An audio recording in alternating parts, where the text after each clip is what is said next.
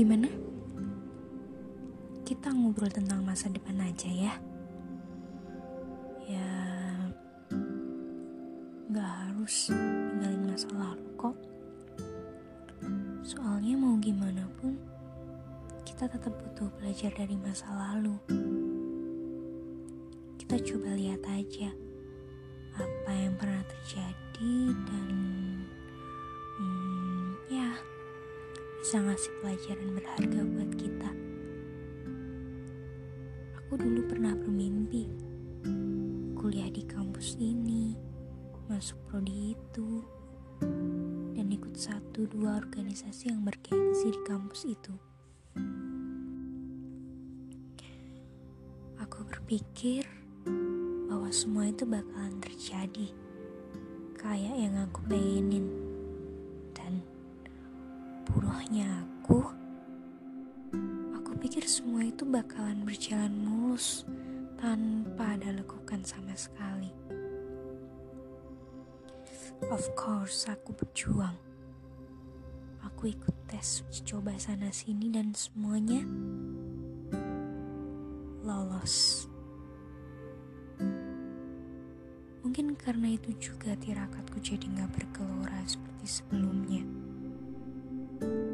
Soalnya, kata orang, kalau kita yakin ya, Sa, yakin ya, semuanya akan berjalan seperti keyakinan itu kan. Tapi nyatanya salah. Bukan bukan kalimat itu yang salah. Cuma persepsiku aja yang seenaknya sendiri.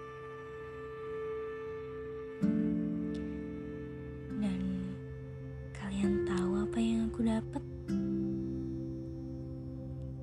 Tentu saja kegagalan.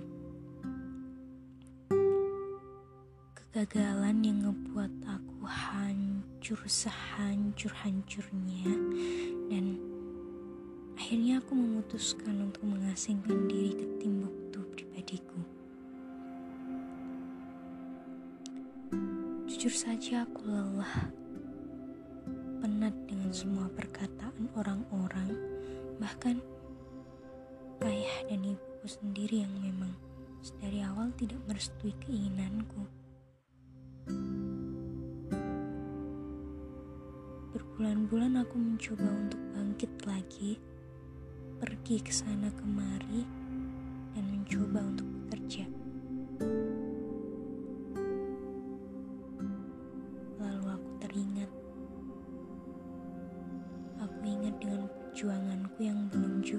Juga terselesaikan.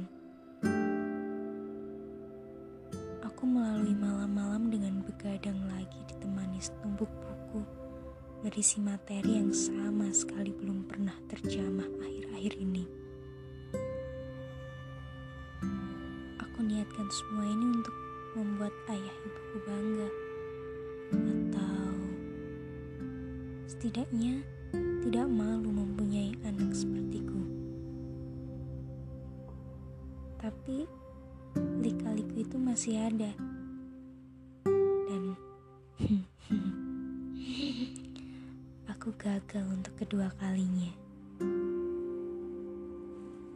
Pasti kalian bertanya-tanya, apakah aku menyerah atau aku melanjutkan keinginanku? Yang kulakukan saat itu cuma mengurung di kamar, menangis, dan mengeluh. Apa salah kalau aku pengen ke situ? Apa itu buruk kalau cita-citaku gak kayak yang ayah ibuku harapkan? Bahkan aku berpikiran untuk menyudahi saja garis hidupku. Mungkin pulang adalah jalan terbaik.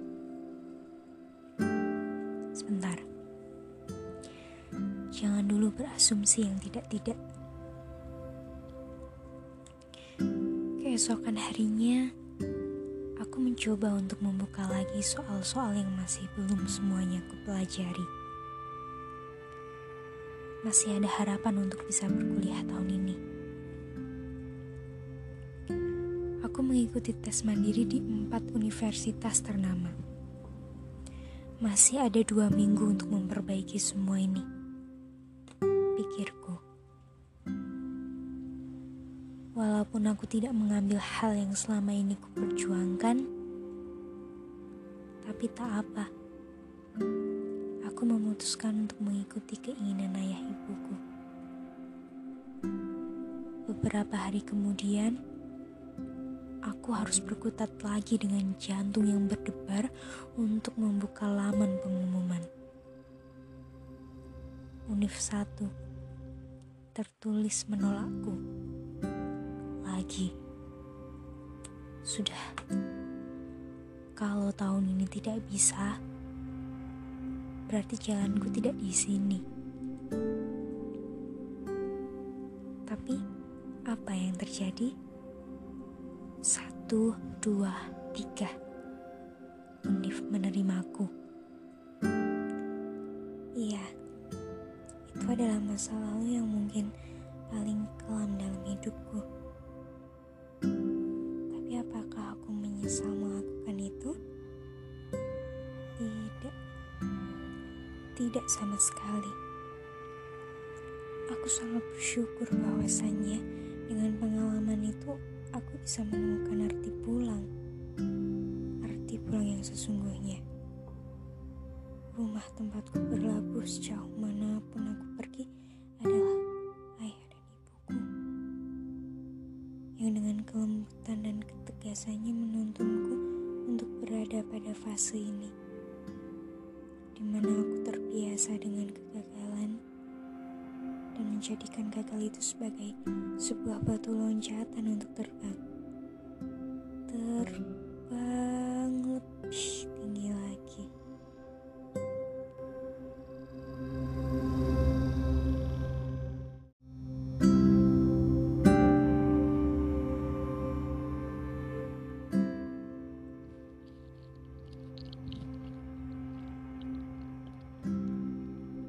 Gimana? Hmm? Gimana? Kita ngobrol tentang masa depan aja ya. Ya, nggak harus ninggalin masa lalu kok. Soalnya mau gimana pun, kita tetap butuh belajar dari masa lalu. Kita coba lihat aja apa yang pernah terjadi dan hmm, ya bisa ngasih pelajaran berharga buat kita. Aku dulu pernah bermimpi kuliah di kampus ini, masuk prodi itu, dan ikut satu dua organisasi yang bergengsi di kampus itu. Aku berpikir bahwa semua itu bakalan terjadi kayak yang aku pengenin.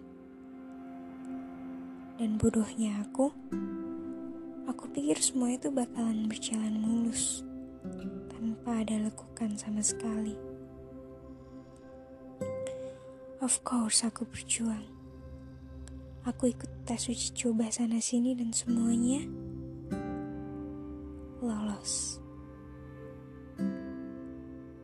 Mungkin karena itu juga tirakatku jadi nggak bergelora seperti sebelumnya. Soalnya kata orang kalau kita yakin, ya semuanya akan berjalan seperti keyakinan itu kan. Tapi nyatanya salah. Bukan. Bukan kalimat itu yang salah. Cuma persepsiku aja yang seenaknya sendiri. Dan kalian tahu apa yang aku dapat? Tentu saja kegagalan. Kegagalan yang membuat aku hancur sehancur-hancurnya dan memutuskan untuk mengasingkan diri ke Timbuktu pribadiku. Jujur saja aku lelah, penat dengan semua perkataan orang-orang, bahkan ayah dan ibuku sendiri yang memang sedari awal tidak merestui keinginanku. Berbulan-bulan aku mencoba untuk bangkit lagi, pergi ke sana kemari, dan mencoba untuk bekerja. Lalu aku teringat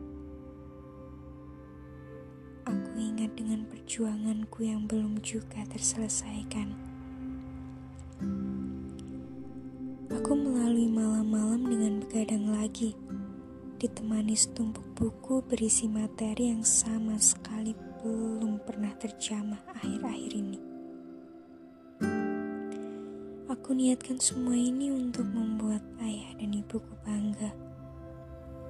Atau setidaknya tidak malu mempunyai anak sepertiku.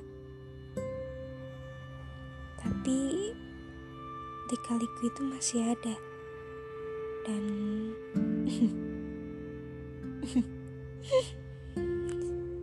aku gagal untuk kedua kalinya. Pasti kalian bertanya-tanya, apakah aku menyerah? Atau aku melanjutkan keinginanku? Yang kulakukan saat itu cuma mengurung diri di kamar, menangis, dan mengeluh. Apa salah kalau aku pengen ke situ? Apa itu buruk kalau cita-citaku gak kayak yang ibuku inginkan? Bahkan aku berpikiran untuk menyudahi saja garis hidupku. Mungkin pulang adalah jalan terbaik. Sebentar, jangan dulu berasumsi yang tidak-tidak. Keesokan harinya aku mencoba untuk membuka lagi soal-soal yang masih belum semuanya aku pelajari. Masih ada harapan untuk bisa berkuliah tahun ini. Aku mengikuti tes mandiri di empat universitas ternama. Masih ada dua minggu untuk memperbaiki semua ini, pikirku. Walaupun aku tidak mengambil hal yang selama ini kuperjuangkan, tapi tak apa. Aku memutuskan untuk mengikuti keinginan mereka. Beberapa hari kemudian, Aku berkutat lagi dengan jantung yang berdebar untuk membuka laman pengumuman. Univ satu tertulis menolakku. Lagi. Sudah, kalau tahun ini tidak bisa, berarti jalanku tidak di sini. Tapi apa yang terjadi? Satu, dua, tiga. Tiga univ menerimaku. Ya, itu adalah masa lalu yang mungkin paling kelam dalam hidupku. Tapi apakah aku menyesal melakukan itu? Tidak. Tidak sama sekali. Aku sangat bersyukur bahwasanya dengan pengalaman itu, aku bisa menemukan arti pulang yang sesungguhnya. Rumah tempatku berlabuh sejauh mana pun aku pergi adalah ayah dan ibuku yang dengan kelembutan dan ketegasannya menuntunku untuk berada pada fase ini, di mana aku terbiasa dengan kegagalan dan menjadikan gagal itu sebagai sebuah batu loncatan untuk terbang.